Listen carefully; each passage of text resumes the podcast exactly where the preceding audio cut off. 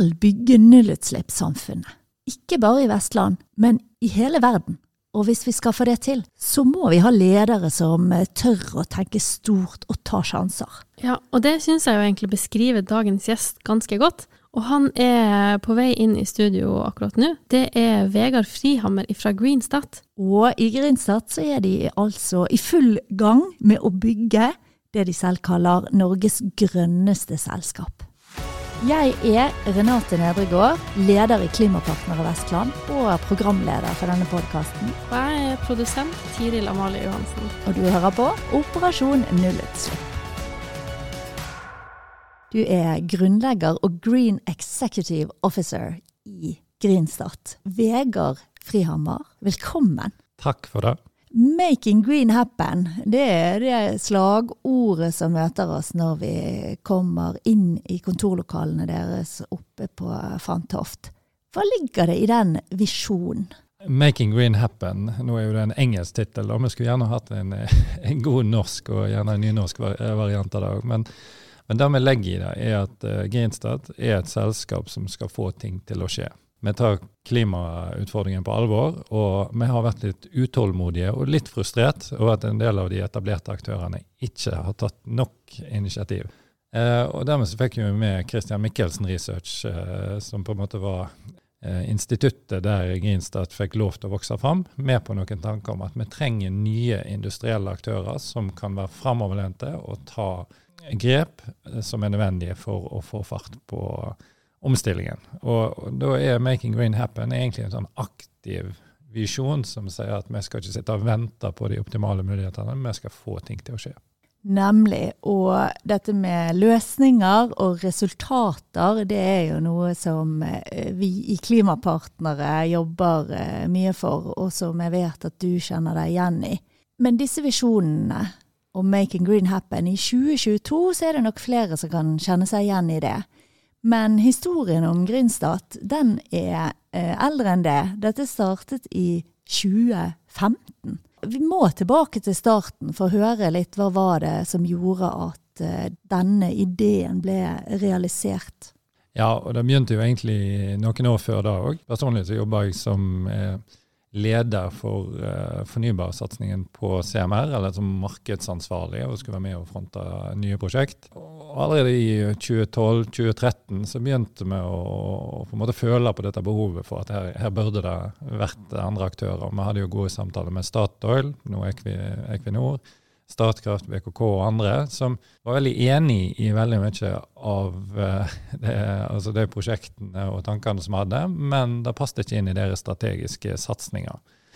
Uh, så det vi gjorde først, var å få med oss noe som vi kalte for uh, Founding Fathers. Det er vel Founding Resources, får vi vel kalle det nå. Der vi tok en runde med de vi så på som de beste samfunnsbyggerne her i regionen. og Da er det alltid fra Universitetet i Bergen, NHH, Eh, vi hadde dialog med sparebanker som Sparebanken Vest og Fana Sparebank, og, eh, og Trond Moen, som er på en måte kapitalen og en industribygger. Og Når man har hatt runden med alle de, og, og de på en måte støtta eh, tankene om etableringen av et nytt selskap, så gikk vi videre og og lagde et forprosjekt eh, som starta i 2014, med mål der vi fikk inn noen millioner der vi kunne jobbe med å berede grunnen. Og, og, så er det på en måte resultatet av det var at hvis det forprosjektet var en suksess, så skulle vi etablere selskapet i 2015. Og så var det jo litt tilfeldigheter inni der og da som eh, vi måtte pushe litt på. Og eh, så fikk jeg mer eller mindre Grinstad sin eh, stiftelse i gi bursdagspresang da jeg fylte 40 år. I Gratulerer! Det var litt av en gave. 2015. Eh, så så det var jo eh, den beste gaven jeg kunne få, og, og, og da starta vi på en måte det kommersielle løpet fra januar 2015. Og hva var det dere da satte i gang med fra starten? Da satte vi jo i gang egentlig en stor eh, og ambisiøs visjon og en strategi som, som sa at vi, vi, så fram mot 2030. fordi at eh, Eh, den energiomstillingen som vi skulle gjennom, den kommer til å ta tid. Så GreenStad skulle være fra starten av et selskap som bygger stein på stein, med en veldig stor visjon som hadde satt oss et mål, og det målet står fortsatt at vi i 2030 skal ha en verdsettelse på 100 milliarder. Eh, og i starten så var jo det et veldig årete mål for mange. Nå når vi har kommet et godt stykke på vei, så begynner folk å se at dette kanskje kan være, en, eh, være realistisk. Og, og vi veldig trygge på at vi skal klare å komme i mål. Men samtidig eh, så måtte vi tenke som en startup. Eh, for det må også vite at mange av disse store selskapene de har kostnader, overhead-kostnader som ikke er tilpassa den grønne virkeligheten som vi skal inn i, og den lønnsomheten som ligger der. Så De første årene så, så var vi veldig sparsommelige med, med alt, og, og, tenkte virkelig som et vanlig startup-selskap. Men samtidig bygde strukturer som gjorde at vi skulle kunne skalere raskt når ting begynner å skje. Og det føler jeg at vi begynner å nyte godt av nå. At vi både er lettbeinte, men vi har en robust struktur. Mm. Og i løpet av eh, disse årene, hva har dere eh, fått til å bygge opp? Eh, vi har jo fra starten har vi sagt at eh, eh, vi må jobbe bredt. sånn at Vi har, ikke, vi har valgt ut noen eh, områder som vi har hatt mer tro på enn en andre. For det grønne skiftet, når du skal vekk fra fossil til utslippsfri energi, så kan du ikke bare ha sol eller bare vind eller bare batteri. Du må ha en kombinasjon av alt. Og det har vi tenkt på fra starten av. Men så har vi spesielt plukka ut av med grønn hydrogen som eh, en viktig komponent. Altså Vi er helt sikre på at vi trenger nye energibærere, og da er hydrogen en av disse. Så vi brukte jo veldig mye av den kompetansen som vi hadde fra CMR sitt miljø, eh, med oss inn i staten av Greenstad, og så har vi tatt en posisjon innenfor hydrogen. Og hydrogen er et komplekst område, så du ikke kan bare begynne med over natten. Det, det krever kompetanse, prosjektgjennomføringskunnskap, og så må du posisjonere deg i et nettverk. Og så Vi har brukt veldig mye tid på å posisjonere oss og være med å utvikle prosjekt. og akkurat nå, de siste årene, så begynner ting virkelig å materialisere seg i prosjekter som nå skal realiseres. Vi skal definitivt snakke mer om hydrogen. Eh, det er enormt spennende. Og samtidig så Det er noe alle snakker om, men hvor vi kanskje mangler litt av den grunnleggende kunnskapen også. Så det temaet skal vi ikke slippe. Men bare for å ta noen skritt tilbake til denne visjonen. For altså, det eh, Grinstad holder på med fra starten, 'Making Green Happen', er en visjon om å bygge Norges grønneste selskap gjennom å satse på fornybar energi på flere områder. Mm. Og da er det hydrogen, og så er det vindkraft, og så er det sol. Det er riktig. Det er de tre hovedområdene. Og, kan ikke du oppsummere det selv med jo, egne ord? Jeg kan, jeg kan ta det. Uh, det er for hydrogen er jo en energibærer som på en måte frakter uh, tar fornybar energi uh, ut til en sluttbruker, som enten er i transport eller maritim eller luftfart, for den saks skyld. Men så trenger vi òg i det grønne skiftet betydelige mengder med ny fornybar kraft. Vi har jo vannkraften i Norge, som alle kjenner godt. Men den er begrensa hvor mye vi kan videreutvikle uten å ta, uh, ta, ny natur. Og Da er vindkraft et område som selvfølgelig har vært veldig sånn, politisk uh, betent de siste årene. Men det vi har gjort i Grinstad, er at vi har, uh, vi satser på et konsept som vi kaller for industrivind. Som er mindre vindparker som vi bygger i allerede industrialiserte områder. Eh, hva er potensialet for eh, denne type industrivindprosjekter her på Vestlandet?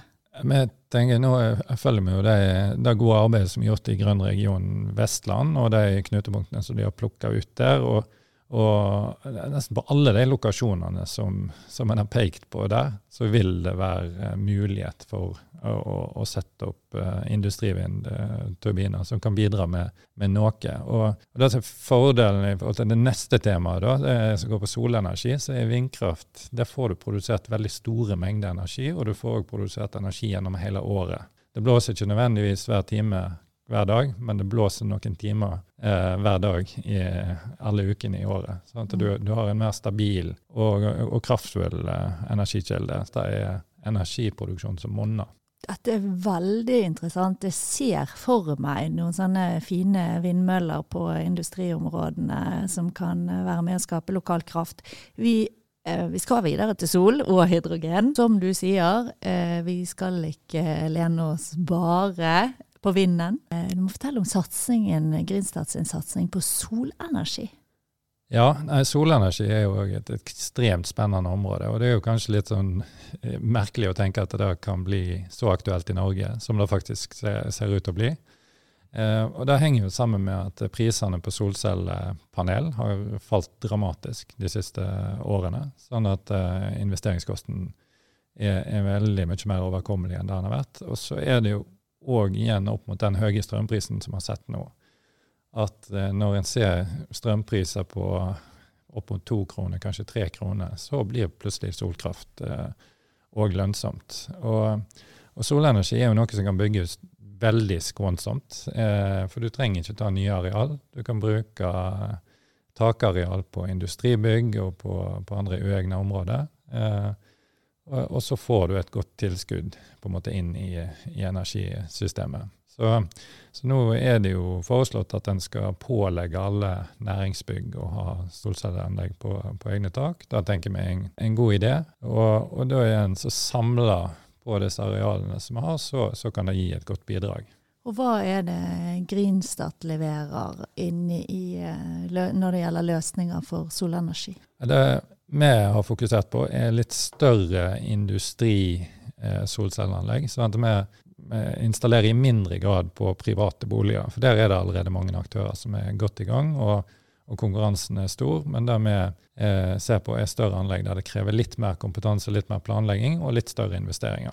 Så, eh, så der er vi i, i god dialog og, og leverer, leverer, anlegg. Så en, en, del av forretningsmodellen er å selge solcelleanlegg som kunden på en måte overtar og, og eie. Men så har vi òg et spor der vi ønsker å utvikle egne solparker. Eh, for det er noe helt nytt i Norge. Eh, det er blitt mer og mer vanlig ute i, i verden. Men, men, i Norge, og da spesielt i Sør-Norge, så er solforholdene såpass gode at det er mulig å, å bygge kommersielt lønnsomme eh, solparker. Og når det gjelder interessen i næringslivet for solceller, hvordan opplever du det? Ja, Den har jo vært eh, eksplosiv det, det, siste året, og igjen da med, med tanke på strømprisen. For det er jo klart når når du har store næringsbygg som nå gjennom vinteren har sett eh, strømprisene fyke i taket, så er det klart at de leter etter alternativene. Så, så vårt solteam har blitt nedringt eh, i år, og, og, hele kapasiteten vår er sprengt. Og da tror jeg generelt hele solcellemiljøet. Men her er det altså potensialet for næringslivet å skape energi til eget bruk, eller eh, hvordan, vil, hvordan fungerer dette når man uh, setter opp solceller f.eks. på en egen industribygg? Mm. Ja, det, det er det som er det fine med solcelleanlegg, er at du får den lokale produksjonen. Så du, da kan du produsere energi som hovedsakelig blir brukt til ditt eget forbruk. Og Hvis du har et overskudd i en periode, midt på sommeren når du bruker lite energi, så kan du selge overskuddet inn på nettet. Så, så det blir direkte minus på strømregningen? Da blir det. det blir, for Da kutter du både det du måtte kjøpe i energi, og nettleie. Så det er en veldig stor besparelse for, eh, for næringsbygg og andre. Så, eh, men så ser vi jo her at det offentlige kan spille en veldig stor rolle. Eh, og, og, her er det jo flere kommuner, og jeg vet at dere jobber jo mye med kommunene. Så en liten oppfordring til dere er jo at en må, må få eh, ordførere og andre til å eier på en måte denne løsningen òg, og, og sikre at alle offentlige bygg i alle kommuner i Vestland får solcelleanlegg på sine bygg. Ja, da har du løst da, da, løser de sine egne problemer, og de er med å skape næring i sitt, uh, sitt nærmiljø. Jo, her står jo de fine flatene og bygningene som allerede eies offentlig tilgjengelig. Så dette må vi være enige om at uh, bør bli standard. Ja. Om ikke det blir, ikke det blir vindmølle på skoleplassen, så skal vi iallfall ha solcellepanel på taket. Ja, ja. da begynner vi da. Og så finnes det jo òg noen veldig små, fine vindmøller som du kan, kan faktisk plassere på, på bygg. Men det, er, det er, jeg tror ikke vi skal sette som et krav, men det kan være en mulighet. Ja. Vi har snakket om industrivind, solenergi, Eh, Grinstad jobber eh, med begge deler. Og så er det jo det som kanskje Grinstad er aller mest kjent for, nemlig hydrogen. Fortell om deres hydrogensatsing. Ja, nei, vi, vi, har jo en Som vi var inne på tidligere, så har vi jo eh, jobba med hydrogen i mange år. Eh, og, og, målet er jo at Norge som en energinasjon tar eierskap til hydrogen som en energibærer, som igjen da kan eh, ta den fornybare energien som vi har, og være en energibærer som bringer det ut til de markedene som, som trenger, trenger det. Og, og, og, tidlig, og for noen år siden, som jeg var inne på, så, så var det veldig få som satsa på hydrogen, og, og som syntes det var veldig kult. Eh, men, men, de siste årene så har, har jo folk sett at eh, at i tillegg til batteri for det, Hvis jeg skal lage et sånn veldig enkelt bilde for de som ikke skjønner hva, så godt hva hydrogen er, så er, det, så er egentlig hydrogen en annen form for et batteri. Det er bare at Vi har de vanlige batteriene som folk blir kjent med nå i, i bilene våre. De er kjemiske batterier som, som veier ganske mye. Og så kan jeg tenke Hvis en skal ta det batteriet over i en båt eller et fly eller noe annet som, eh, som krever enda mer energi, så blir det fryktelig tungt. Men hvis du har et hydrogenbatteri, så lagrer du hydrogen i en hydrogentank, og det blir veldig mye lettere. Så det har noen fordeler som er ganske unikt. Og, og så er det bare når du skal bruke energien igjen i denne bil, båt, lastebil eller hva det skal være, så konverterer du det til strøm igjen. Så, så hydrogenkjøretøy er òg elektriske kjøretøy. Så så For å gjøre det veldig enkelt, så kan vi si at uh, hydrogen er òg med på å elektrifisere transportsektor, eh, transportsektoren, men du bruker bare en annen type batteri. Eh, så dette er i de tilfellene hvor man har eh, sagt ganske lenge at nei, det kommer aldri mm. til å skje at disse store skipene eller disse store kjøretøyene blir batteridrevne. Mm. Så er det hydrogen som er løsningen. Ja, da er hydrogen en mulighet. Og der er jo te teknologien kommet så langt at dette er ikke noe som en trenger å vente på teknologigjennombrudd. Det er bare å ta kjent teknologi og sette det i, i system og skalere det opp. Og, og Da kan jeg nevne et av de prosjektene som vi jobber med som er ekstremt interessant. Eh, det er jo på Vestfjordsambandet, eh, som er det første kommersielle ferjesambandet som er lyst ut som et rent hydrogensamband. Og Det er jo Statens vegvesen som har gjort en kjempejobb med å, å lyse ut et anbud der de stiller krav om, om, hydrogen. Og Det er jo litt lignende som gjorde med elektriske eller batteriferjer på Ampere tidligere, som førte til at en fikk veldig mange elektriske ferjer etterkant. Og, og, nå håper jeg med at det Vestfjordsambandet da åpner opp det samme med markedet for, for, hydrogen. Ja, fordi Jeg har inntrykk av at når vi snakker om hydrogen, så er det veldig mye visjoner og ideer om hvor, hvilken rolle hydrogen kan spille i fremtiden. Men dere har jo konkrete prosjekter. Mm. Eh, fortell litt mer om det. Hva er det eh, Grinstad rent konkret holder på med i de ulike hydrogenprosjektene? som dere har eh, på, i porteføljen? Ja. Eh, vi er jo et selskap som er inne på eiersiden i mange eh, selskap rundt om i, i Norge. Alt fra Glomfjord, der vi som, som nevnt er med oss i tilbyr på dette Vestfjordsambandet og håper å levere grønt hydrogen der.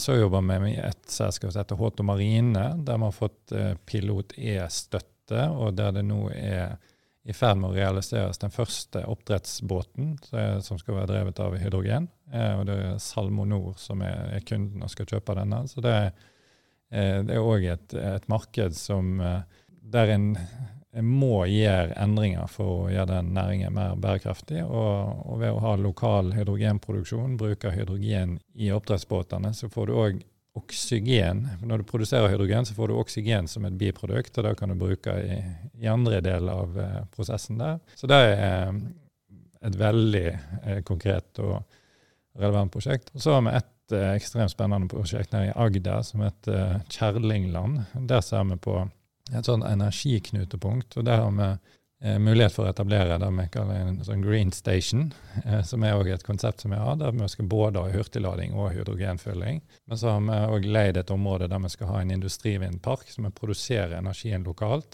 Og kan òg produsere hydrogen lokalt, vi kan lagre lokalt, og vi kan få solceller på. Så det å få sånne helhetlige energiløsninger, det er jo det, er jo det vi liker aller best. Og så har vi jo eh, tidligere òg jobba med, med, hydrogen i privatbilmarkedet. Og vi var jo med og fikk opp den første hydrogenstasjonen i, i Bergen. Um, og vi har vel kanskje ikke helt gitt opp uh, privatbilmarkedet heller. du tror ser, at det er fremdeles et uh, potensial der? Vi tenker igjen uh, altså hvis du, at du må ha nok løsninger til at alle kan gå over til utslippsfrie løsninger. Og, Da er det, I Norge så har vi jo ca. 3 millioner biler, og i Vestland fylke altså Det er en biltetthet på 0,5, så jeg har ikke helt siste tallene på hvor mange mennesker vi bor i Vestland fylke, men, men, det er et betydelig antall biler. Og hvis alle skal kjøre utslippsfritt, så er det noen som passer på en måte hurtiglading og, eller lading og batteribil bra. Men så snakker vi med noen bransjer, bl.a. taxinæringen, som sier at det å gå over til eh, utslippsfritt før har hydrogen, det er veldig vanskelig. Eh, så vi tror kanskje at eh, hvis du skal ha tre millioner utslippsfrie biler i Norge, så kanskje 20-30% av de vil ende opp med å være hydrogen. Så det er ikke sånn at uh, batteri uh, utkonkurrerer nødvendigvis uh, hydrogen? Nei, det er, det er, veldig viktig å ikke sette dem opp mot hverandre. For det viktige er jo at vi finner utslippsfrie løsninger. og så blir det Eh, et valg som kunden må ta, og så blir det tilgang ifra Og det er ikke de norske miljøene som bestemmer hvilke biler som blir produsert i fremtiden. Da er det de store bilprodusentene ute i verden. Og kommer det hydrogenbiler til en gunstig pris, så er jeg helt sikker på at norske forbrukere vil kjøpe det. Eh, men i Grinstad så er vi helt eh, teknologinøytrale. Vi tilbyr løsninger som er tilpassa eh, de beste løsningene som Eh, som er tilgjengelige. Interessant. Vi har jo det samme målet. Vi skal ha nullutslipp. I eh, Operasjon nullutslipp eh, starter vi med Vestland. Eh, men vi vil jo ha muligheten til å kunne rulle ut de grønne løsningene fra Vestland. Og i hele Norge og i hele verden. Mm. Og Grinstad ble født på, i Bergen men har også internasjonale ambisjoner. Mm. Eh, vil du si litt mer om det? Ja, eh, jeg tenker at vi i Norge er jo fantastisk heldige på egentlig alle mulige måter. Og spesielt energimessig. Så, så har vi jo vunnet i Lotto opptil flere ganger ved først av vannkraft, og så har vi funnet olje og gass ute i Nordsjøen. Og, men i framtida så kan vi ikke, vi kan ikke leve av eksport av fornybar energi fra Norge. Så hvis vi skal løse klimaproblemet i India eller Afrika, eller, så, så, har ikke vi nok fornybar energi i Norge til å eksportere det. Så dette, da må vi enten utvikle teknologier som vi kan produsere i Norge, i vår grønne fabrikk her hjemme, og eksportere ut. Eller så må vi ut i verden og komme oss inn på eiersiden og være med og, og sitte som kompetente og varige eiere i energiproduksjon ute. Og, eh, og det er litt den strategien vi har. at vi skal bruke det Norge, som er et land som er veldig langt framme, og Vestlandet som region i særdeleshet, så, så må vi bruke den muligheten det er her til å øve oss gode på hjemmebane. Og så må vi gå ut og dra nytte av den erfaringen. Og vi har jo reist ganske langt til vår første selskapsetablering ute. Det er til India. Eh, så vi etablerte jo Greenstad Hydrogen India nå i fjor. Eh, og nå har vi allerede sju-åtte personer nå ganske snart. etablert det. Og, og vi ser jo at vi som norsk kompetanseaktør, og, og med på en måte den historikken og troverdigheten vi har, vi blir eh, veldig godt tatt imot, og vi får posisjoner som er veldig interessante i en tidlig fase. Og så er det et eh, langt løp eh, fram til vi kommer til å lykkes eh, kommersielt der. Men vi ser jo for oss å etablere tilsvarende strukturer i, i andre land over hele, over hele, verden. Men så ser vi vel fra et Grinstad-perspektiv så kommer vi til å gå til områder der vi kan gjøre en størst mulig forskjell. Og det er jo, Vi kommer nok til å være i Europa òg, men i Vest-Europa så er det veldig mange andre aktører på banen. Og da, eh, mens når vi kommer til India, så er det behov for en type aktør som oss i en større grad. Og Samme vil vi se i Afrika, eller om vi er på Balkan. eller om det er. Så der vi, vi ser det er muligheter der det er mulig å gå inn uten altfor stor risiko, eh, men der vi kan være med i mange tiår framover. Eh, har vi egentlig for lav selvtillit ofte når det er snakk om å um, lage løsninger for nullutslippssamfunnet og løse klimakrisen, så møter vi den holdningen at ja, men problemene er så veldig mye større andre steder i verden. Eh, er, eh, er vi for lite flinke til å ta den posisjonen og tenke at vi tenker for smått og venter på at andre skal ta de å eh, løse de store problemene utenfor Norges grenser? Ja, det er jo en kjempestor eh, spørsmål, eh, problemstilling som vi sikkert kunne brukt en hel podkast på å diskutere. For det er klart den, Eh, altså det blir ofte vinkla sånn at eh, altså de norske utslippene er så små at eh, det, det, har ikke så mye å si hva vi, vi gjør hjemme. Men, men, der er det jo heldigvis blitt eh, større og større aksept for at vi må feie for egen dør, og vi må, eh, må gå foran. Altså I hvert fall som en rik nasjon så må vi eh, bli en utslippsfri nasjon så raskt som mulig. Um, og så tenker jeg òg at, uh, og det er jo ja, klimapartnere og andre, at vi får klimaregnskap, og vi får liksom faktisk målt hvordan, hvordan tingenes tilstand er. Det er veldig bra. Uh, og så er det jo litt sånn Hvordan kan vi som en liten, rik nasjon med både troverdighet og kompetanse være med og bidra til at de landene som faktisk har de største utslippene, raskest mulig går over til utslippsfrie løsninger. Og det er jo der det spennende diskusjonen eh, står. Og, og, da tenker jeg at det går kanskje ikke på at vi får, uh, får små ambisjoner eller ikke tror på oss sjøl, men jeg tror det er mer den der uh, litt latskap. Fordi at uh, ting kommer litt for enkelt for oss. Vi har hatt det for godt. Vi har hatt det for godt. og og vi har det for godt. Og nå eh, så kan du nesten si dessverre. altså at eh, Selv med de eh, nye krisene som oppstår nå, så blir det rekordhøye priser både på olje og gass og på, på annen energi, som gjør at, at vi trenger ikke. Altså da er det, så jeg, altså det, jeg er mer bekymra for at, vi, at det kommer, kommer, litt for enkelt. Så da er jo spørsmålet hvordan klarer vi å løsrive oss ifra den på en måte gode situasjonen som vi tross alt er i, og, og, og klare å se de neste stegene 10-20 år fram i tid. Og, og, klare å ta posisjoner samtidig som ting går bra i Norge. Men det det er en utfordring.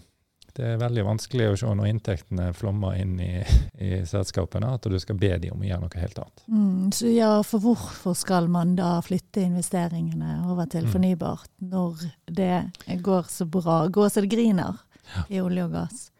Eh, før vi runder av. Eh, vi har hørt om eh, mange av de ulike satsingene til Grindstad. Vi har eh, med oss produsenten vår her, eh, Tiril. Du jobber også med å skrive artikler til Den grønne løsningsbanken for klimapartnere. Og da vet jeg at du har vært i kontakt med Grindstad og sett på hvilke ulike prosjekter de har i regionen. Og da fikk du et eh, luksusproblem Fortell. Ja. Nei, det var jo bare Det er rett og slett så mye forskjellige ting dere holder på med. Det blir vanskelig å trekke fram bare ett godt eksempel. Men dere har jo snakka masse om eh, solceller og ladebilstasjoner og sånt. Men hva er det dere er mest stolt av å ha fått til? Eh, det kan jeg nesten ikke trekke fram et uh, eksempel, siden jeg er like, like glad i alle og jeg vet at jeg har vært medarbeider. Men jeg tenker, altså, Hvis jeg tar kjapt, da, altså, jeg er veldig stolt over den posisjonen vi har fått innenfor hydrogen, som en mm. liten aktør som har klart å, å, å, plassere oss sentralt inn i veldig mye av det som skjer. Eh, og så er vi jo stolt over det energistasjonskonseptet som vi har utvikla. Vi har vår første pilotstasjon ute på Straume, som har blitt kåret til Norges og kanskje verdens beste ladestasjon på første forsøk. Er, og, ja, og ellers at vi har tatt en posisjon i India innenfor våre områder og, og kommet i inngrep der på veldig, veldig kort tid. Det, da må vi kunne si at vi er stolte over. Så er vi stolte av sol og vind. Det er kjempeimponerende, for det, det, er så mye. Vi kjørte jo forbi, eh, jeg og Tiril, den eh, Green Station eh, ute på Straume. Mm. Hva er det som er spesielt med den som gjør at uh, den har uh, utmerket seg? Det, det, aller viktigste, og som er kanskje litt sånn uh, banalt, er at du kan betale med kort og tepp. Uh, at du trenger ikke å bruke en app eller noe. Du kan kjøre inn, du plugger deg i, og så bare tepper du kortet ditt. Det er revolusjonerende! det burde ikke være så revolusjonerende, men vi er faktisk den eneste aktøren som, som har tepp-betaling som primær uh, betalingskilde. Og så kan du registrere deg i en app hvis du vil. Vi tenker at uh, det skal være minst like enkelt å lade en elbil som det er å fylle diesel og bensin. Og kredittkort er foreløpig noe alle har med seg. Så, så der, men så har vi òg skiltgjenkjenning, som gjør at når du kommer inn, så kjenner stasjonen igjen eh, bilen din, sånn at du slipper å tenke på hvilken type lader du har. Da får du tildelt en plass som er helt riktig for din bil. Så du slipper å rygge bilen inn til å gå ja, det, ut av bilen, og så finne ut du, om kontakten Ja, du slipper å gå inn. Da vet du, så du får beskjed på en skjerm 'velkommen, bil', sånn og sånn. Kjør til plass tre, og da vet du at det er riktig lader. Så, du, så da slipper Vårt mål er at kunden aldri skal føle seg være den som føler seg dum ved at en ikke vet ting når en kommer på stasjonen. Skal, det, Stasjonen er, vår skal være uh, verdens vennligste ladestasjon, som gjør at det tar, tar om alle problemene. Så, og så har vi jo tak, uh, som gjør, er spesielt gunstig her på Vestlandet, selvfølgelig, også, men som òg blir interessant ute i verden. Og så har vi solcellepanel på taket, som produserer en del av energien, og så har vi òg batterilagring, sånn at du kan lagre energi, og som gjør at vi kan selge vår egen energi til stasjonen. Har gjort en, en, del spennende grep som gjør at det totalt sett er en helt annen opplevelse enn på alle ja. andre stasjoner.